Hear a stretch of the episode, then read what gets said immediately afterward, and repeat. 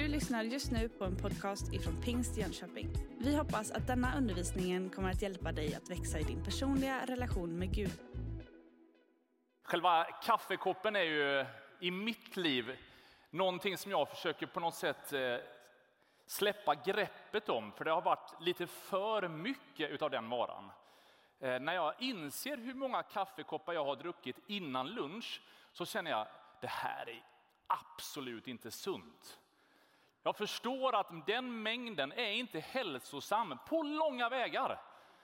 Och ändå så där på morgonkvisten så känner man bara, alltså en kopp till. Kaffe, ju mer kaffe man dricker, ju mer börjar man inse att det finns ju massa olika sorters kaffe. Jag har människor i min närhet som är såna här kaffenördar som kan allt om kaffe. När kaffet blev liksom ännu mer populärt i den som säga, kaférörelse som bröt fram i USA, så började man liksom servera det de tyckte var kaffe, men vi skulle säga att det där är ju nästan inte ens te. Och så startade ett företag som eh, då ingen visste vilka det var, som sa att så här kan vi inte ha det. Vi måste servera riktigt kaffe. Starbucks finns nu över hela världen. Väldigt amerikanskt, men de sa så här. Vi ska inte hitta på massa amerikanska, engelska namn på de kaffevarianter som originalet står för. Så i deras visionsdokument så står det vi ska utbilda världen i vad liksom riktigt kaffe heter. Och faktum är att de har ju lyckats tillsammans med andra att lära oss vad en cappuccino är, kaffe macchiato är, en kaffe latte är. Och så har man liksom haft som sin plikt, känner de, att upplysa världen om vad kaffe verkligen är. Jag tror att det finns en del bibliska uttryck som vi ibland kan skämta om, som vi ibland kan fundera på liksom, hur låter det här i andras ögon? Och du som kanske är här för första gången och inte känner till varken Gud eller kyrka, du har hört ordet som jag snart kommer säga, men du är inte riktigt säker på hur det används och varför man använder det.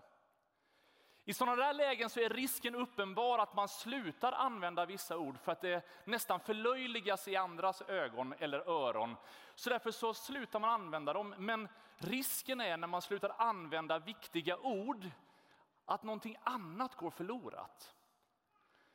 Och ett av de orden som jag har fått höra hela min uppväxt i mitt fotbollslag där jag spelade, det var många gånger, är du en sån där halleluja-kristen? Och det där ordet halleluja skulle jag vilja liksom någonstans ta dig med. Har du lite anteckningar som du sitter och för så är titeln för den här predikan A broken hallelujah. För det känns som att ska man prata om halleluja så vill man ha lite sån här afroamerikansk feeling i rummet. Så är det någon gång som du bara vill gå liksom wild and crazy ditt halleluja-rop så är det här en ypperlig söndag att testa vingarna. Helt okej. Okay. Men i många situationer i min uppväxt så försökte människor uttala det där halleluja på många olika sätt. Ska man lägga betoningen på den första stavelsen? Halleluja! Eller halleluja! Eller liksom i Afrika så är det halleluja! Ja, man kan göra på, skulle nästan behövt en hammondorgel här för att någonstans komma loss ordentligt. Olika traditioner uttalar det på lite olika sätt, men egentligen så är det ett sammansatt ord. Det är egentligen två olika ord som sitter ihop.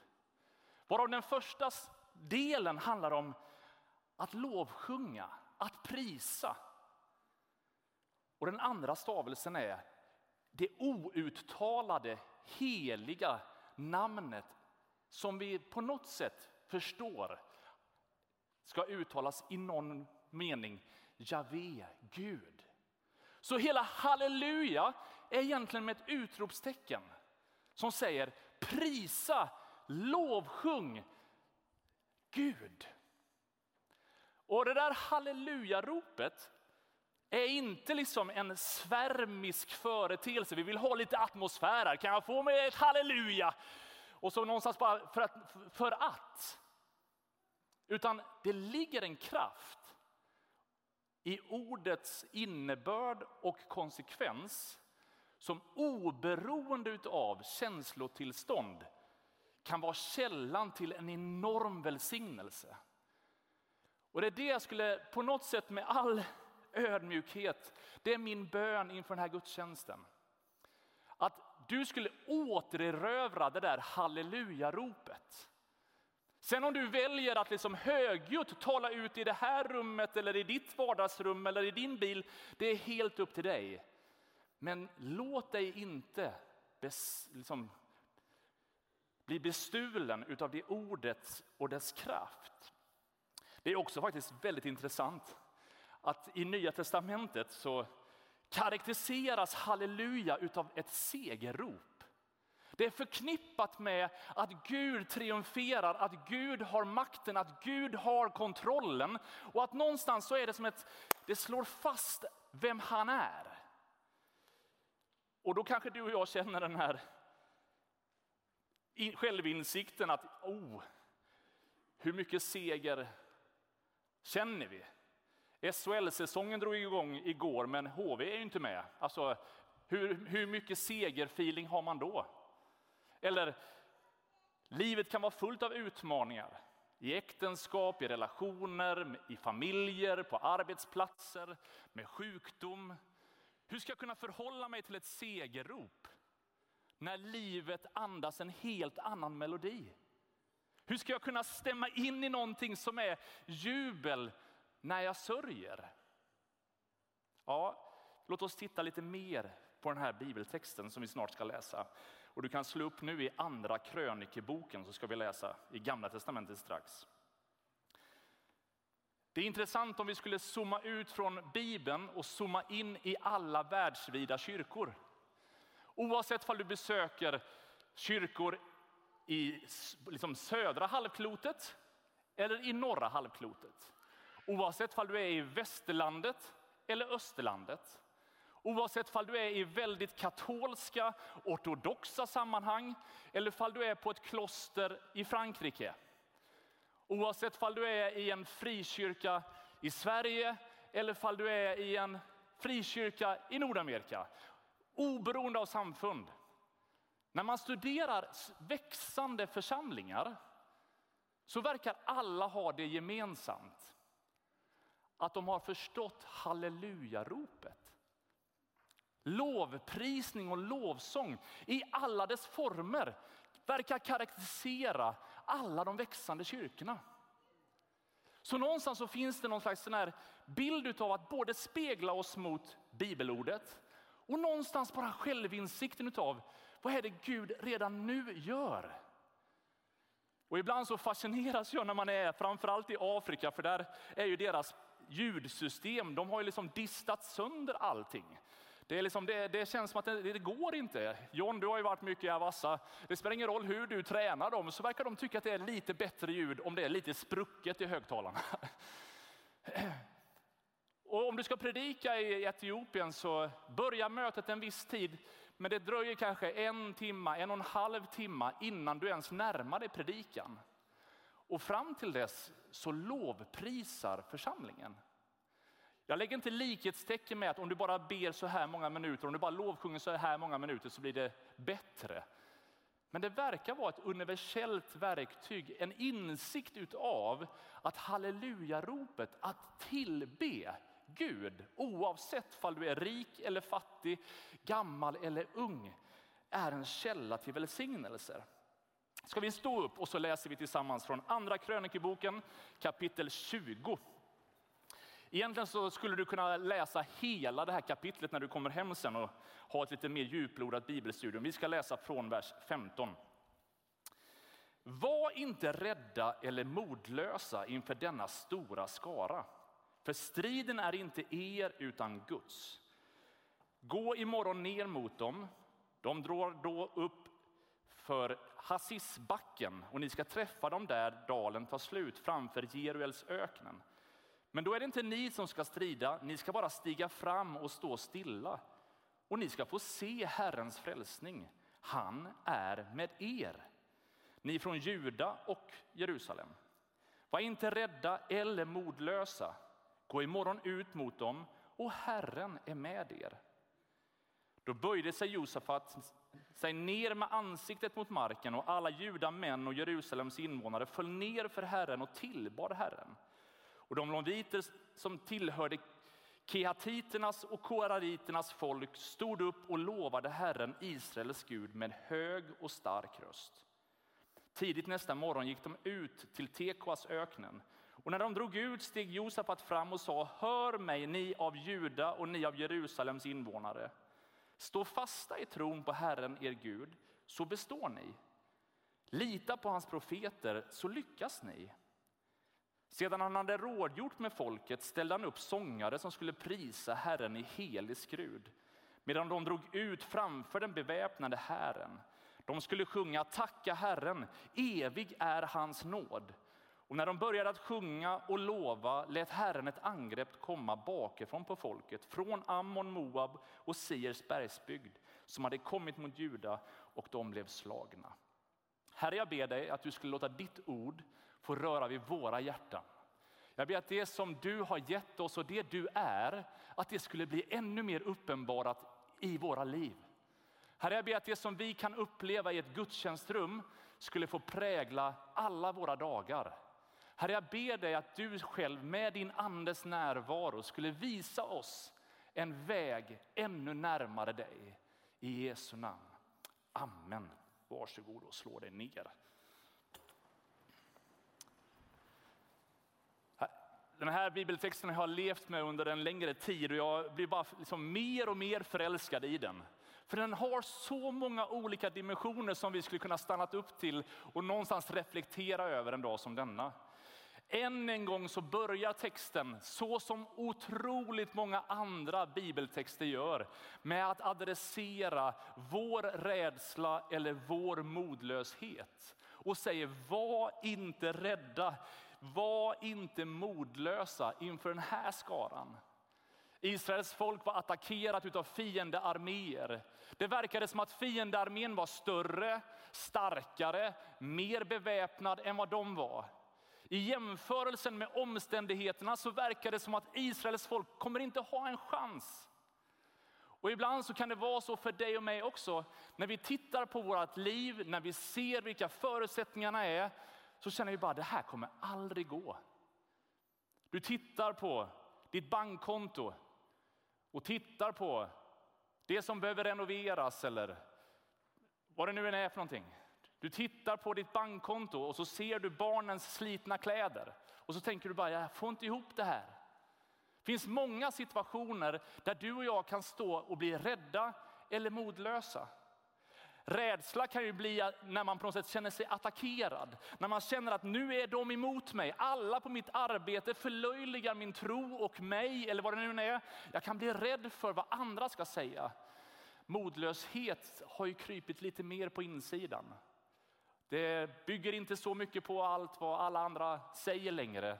Utan det känns som att det inte är någon idé. Jag ska inte göra någonting. Jag kan inte göra någonting åt det här. I Nehemja bok kapitel 8 så får profeten ett ord till sig som han ger vidare till folket. Som likadant är, är under attack. Och han säger till dem, var inte bedrövade för glädje i Herren är er styrka.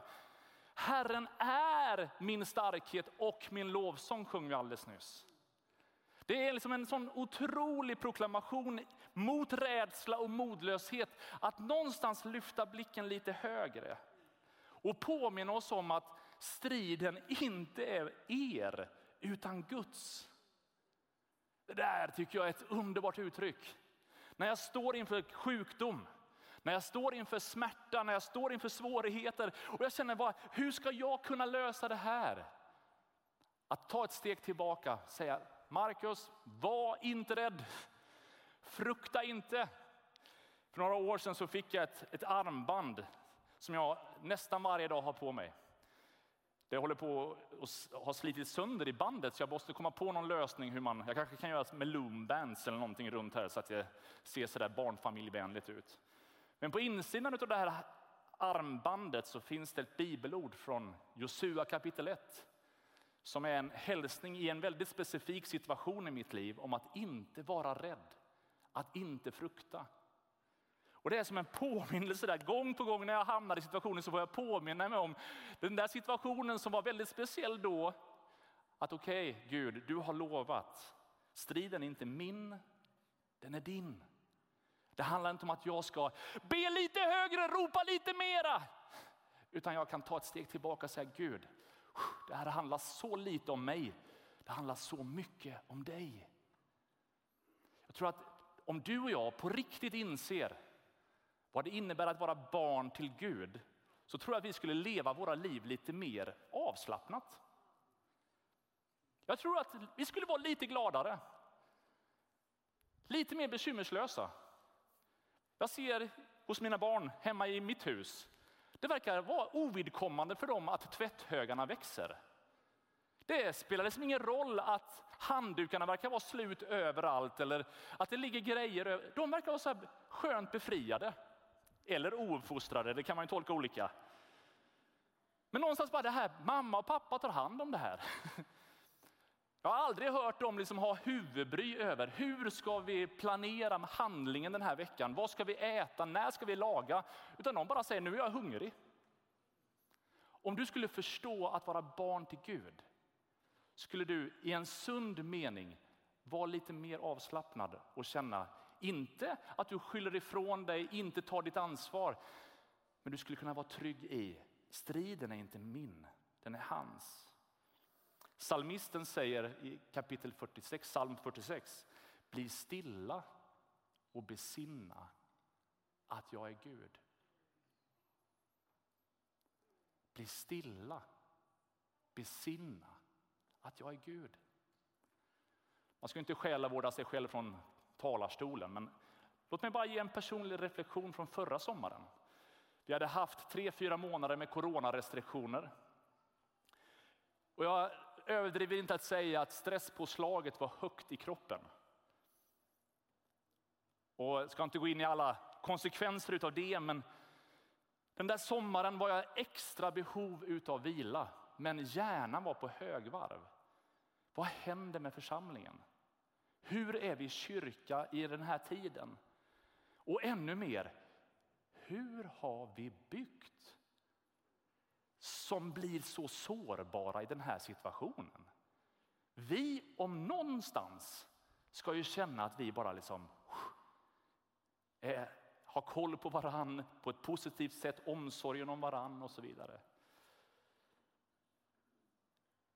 Den där sommaren var en uppenbarelse på nytt i mitt liv. Vad som är mitt ansvar och vad som är Guds. Och jag kan inte liksom måla ut berättelsen mera än att säga jag fick bli stilla, besinna att striden inte är Marcus Ardenfors som ska lösa. Jag är inte superhjälten.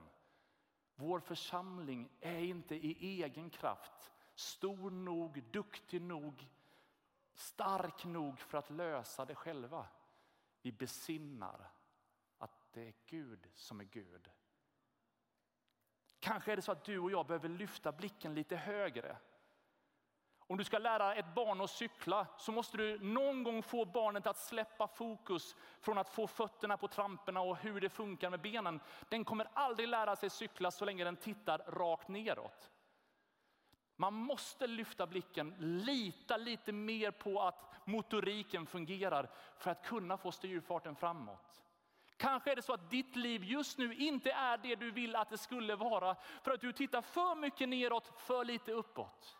Kanske för mycket vad alla andra tänker, vad alla andra känner och det blir modlöst, fruktan, rädsla. Istället för halleluja, Gud, du är där. Striden är inte min. Den kan vara nog så smärtsam, kan vara nog så mycket sorg och smärta, men likväl trygghet, nåd och övernåd. Jag är med er alla dagar till tidens slut, säger Jesus. Den här texten säger, frukta inte, var inte modlös, för Herren är med er. Åh, om vi kunde förstå det. Du som tror att du är ensam i din familj. Du som tänker att ingen i din familj vill ha med Gud att göra och du känner bara, Åh, hur ska jag? Och om du kunde fatta att du är inte ensam, Herren är med er. Det är inte bara att han gör saker för oss, att du kommer till ett dukat bord som han liksom har lämnat, utan han sitter där tillsammans och säger bara, jag är med dig. Om så alla andra reser sig i matsalen i skolan när du kommer in och sätter dig med din bricka, så kommer inte han att lämna dig vid ditt bord. Han är med dig.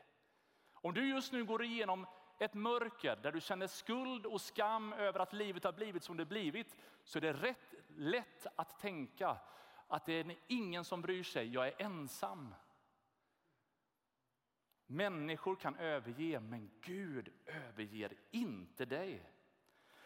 Och så står det så här att de här, när de hör det här budskapet så står det att de lovade Herren Israels Gud med hög och stark röst. Och det här gillar jag. Jag är lite högljudd och lite yvig som ni märker. Jag tycker det är lite gött. Så att jag får liksom så här, åh det här, det här tar jag emot.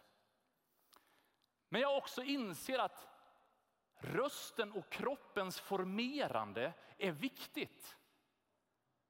Det är någonting som händer när jag talar ut det. Det var därför som det var så där riktigt nervöst och kittlande på något jättekonstigt sätt, men det känns som att man riskerade livet när man för första gången skulle titta på den som man älskade och säga, jag älskar dig. Min ungdomskärlek är ju också min fru. Och liksom när vi var 15 år och stod där lite trevande på Gullbränna stranden tittade varandra djupt i ögonen och det var stjärnfall och det var så där upplagt för romantiskt tillfälle så var man ändå nervös för att någonstans, hur ska min bästa vän ta det om jag verkligen säger att vi inte bara ska vara vänner utan jag älskar dig. Men när man väl har sagt det så gör det också någonting med oss.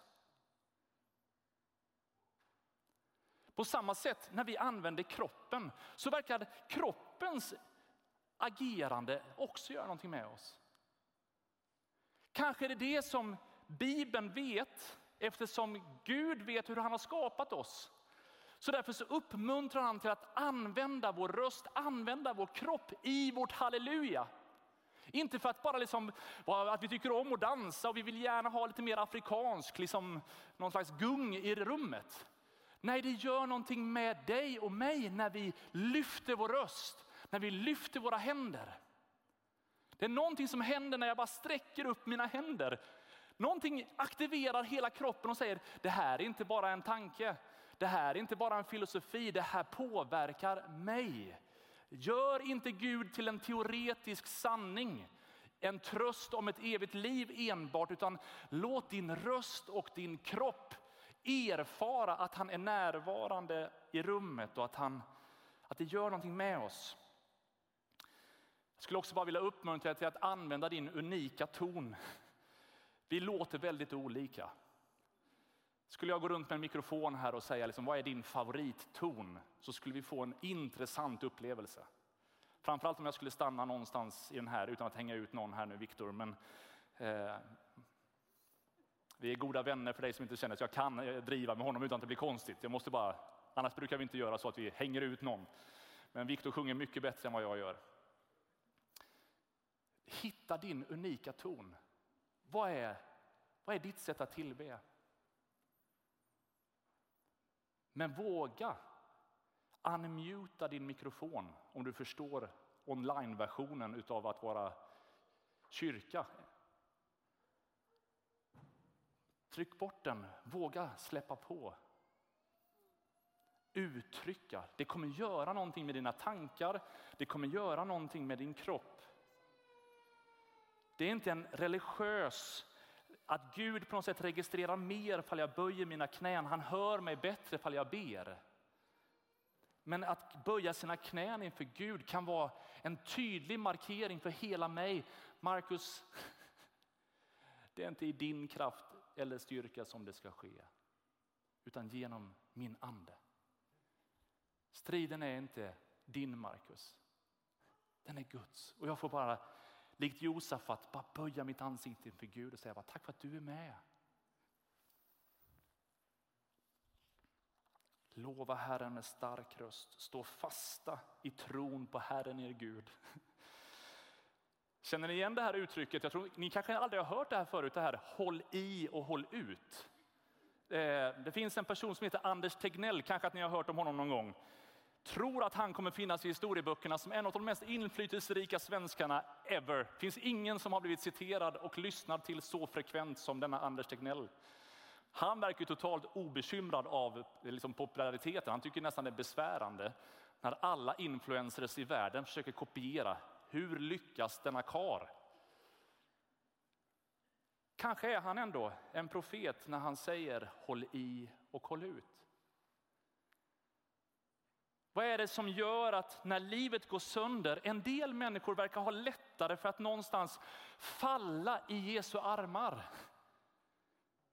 Och vissa verkar säga, okej, okay, är det så här det blir, då vet jag inte om jag kan tro på Gud längre. Kanske är det en utmaning till oss att låta det här bibelordet få utmana att håll fast. Låt inte omständigheter lura dig till att tro någonting annat. Gud har inte övergett varken dig eller sina löften. Han har inte förlorat i kraft eller styrka. Håll fast, håll i, håll ut. Sen står det så här att Josef att han rådgör med folket. Det här är superviktigt att du hör. För i Sverige så tror vi att vi är oss själva nog. Ensam en ö, vi, jag och mig, mitt och mina. Ingen ska bestämma över mig, jag behöver ingen annan. Men så funkar inte livet. Vi är skapta för gemenskap och som församling är vi en kropp. Och vi behöver ibland rådgöra med varann. Jesus säger i Matteusevangeliet så här att om två av er här på jorden kom överens om att be om något, vad det än är, så ska de få det av min far i himlen. För där två eller tre är samlade i mitt namn, där är jag mitt ibland dem.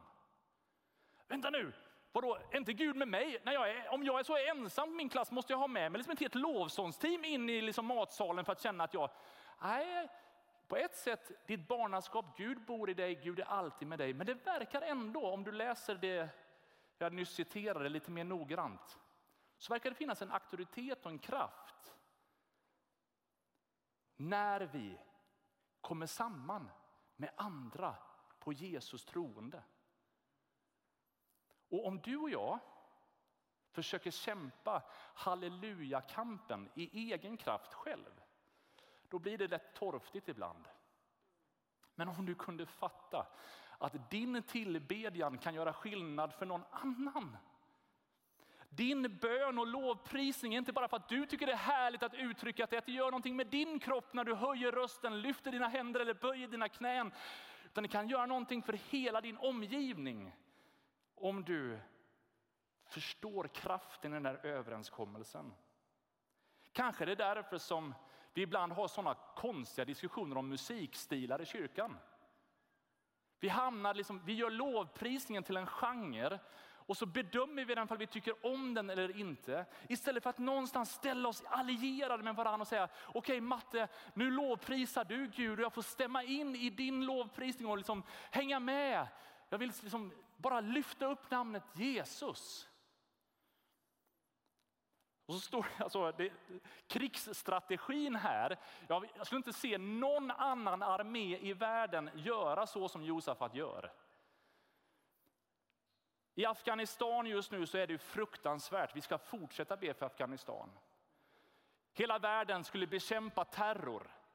Man skulle hitta Usama bin Laden, man skulle aldrig låta Twin Towers eller några andra terrorattentat hända igen. Nu går världen gemensamt med våld mot terror. Men du vet, våld löser inte våld.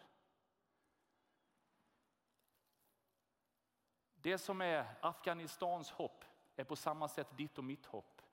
Det är att lyfta blicken högre. Låta Gud få göra det han ska göra. Därför säger Paulus i Efesierbrevet, bli starka i Herren och i hans väldiga kraft och gör detta under ständig åkallan och bön. Han liksom paketerar in vapenrustningen och säger att det finns en kamp att strida mot mörkret.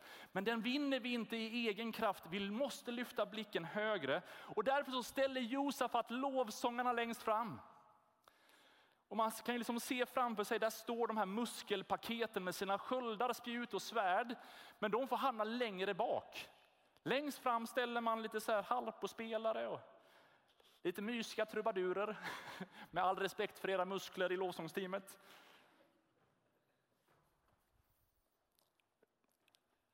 Ibland är det, man är nära att säga för mycket, jag ber om ursäkt. Men det är tur att man hinner tygla sin tunga så att inte någon går hem i vredesmod. När Jesus rider in i Jerusalem så börjar barn tillbe. Och en del religiösa människor de blir alldeles nervösa för barnen börjar tillbe. Och säger bara, du måste få tyst på de här. Hör du inte att de hädar? Och så säger Jesus att har ni inte fattat någonting? Ur barns och spädbarns lovsång har jag berett en makt. Det finns en kraft i en ung generations tillbedjan.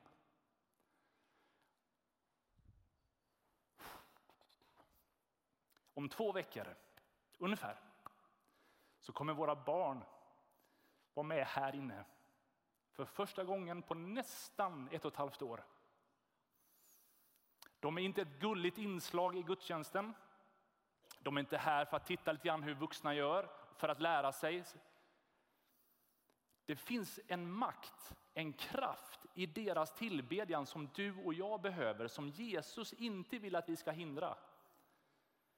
Och jag skulle nu vilja göra som Josafat, jag skulle vilja rådgöra med er som församling. Det är inget församlingsmöte, men i en and, på ett andligt sätt skulle jag vilja vädja till er att vi ber för den söndagen. Och att vi bestämmer oss att från och med då kommer vi aldrig, aldrig, aldrig, aldrig se ner på, ifrågasätta eller tycka konstiga saker när en ung generation tillber. Utan att vi ställer oss högre och känner att när någon ropar halleluja, prisar Gud, att vi är måna om att bara vara med.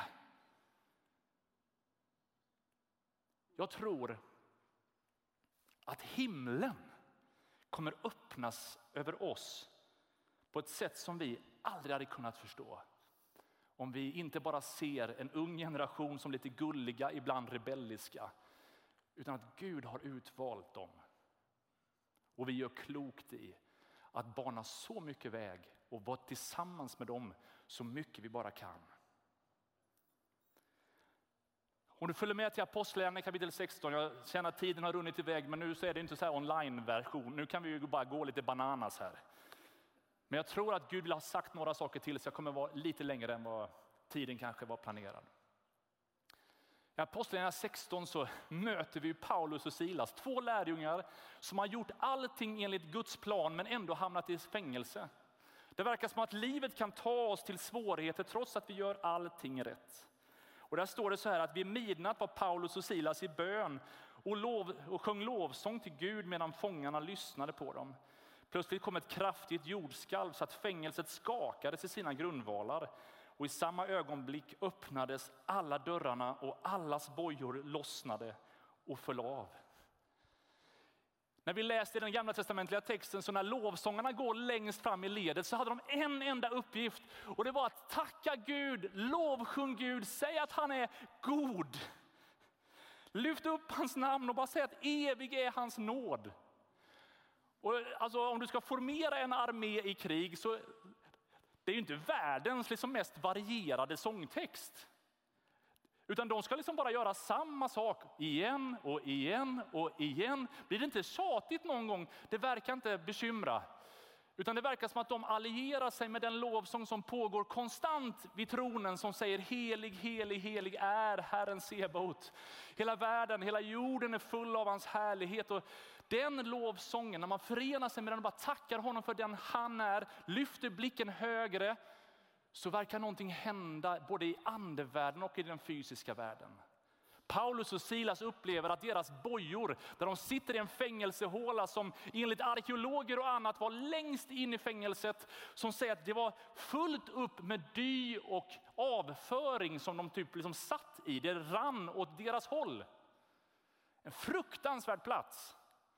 Där bestämmer de sig för, det luktar eländigt, Det är eländigt, det är orättvist, vi vill inte vara här.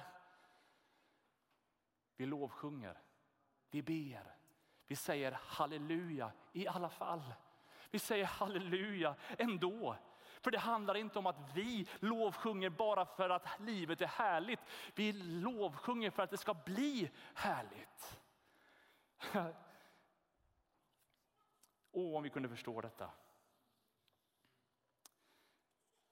Det är så tydligt att det händer någonting i anden när vi lovsjunger. Det finns en person som heter, eh, liksom, det finns några teologer som har skrivit en bibelkommentar som heter The Sermon. Och de säger så här att alla människor kan sjunga segersånger när kriget är över. Den skillnaden mellan en vanlig människa och ett vanligt mänskligt krig och en kristen är att kristna sjunger innan kriget. Sjunger innan segern. För att man vet att segern redan är vunnen. När vi lovsjunger så gör vi det inte för att bara, åh nu är det härligt, nu är det harmoni och nu är det kyrkkaffe, då ska vi absolut lovsjunga. Nej, en torftig söndag. Predikanten har inte lyckats med att stryka sin skjorta rätt, Och har inte hyfs nog att ha den innanför bältet heller. Så verkar det ändå vara möjligt att säga ett halleluja. Från fängelsehålan kan alla bojor bindas av. Jag sa att den här predikan hade temat ett broken hallelujah. Kan inte du bara hjälpa mig här lite grann i bakgrunden så att du liksom kompenserar min brist? Men du vet, ett, ett brustet halleluja verkar ändå registreras i himlen. Och du kanske känner igen den här sången. Kan du texten får du sjunga den.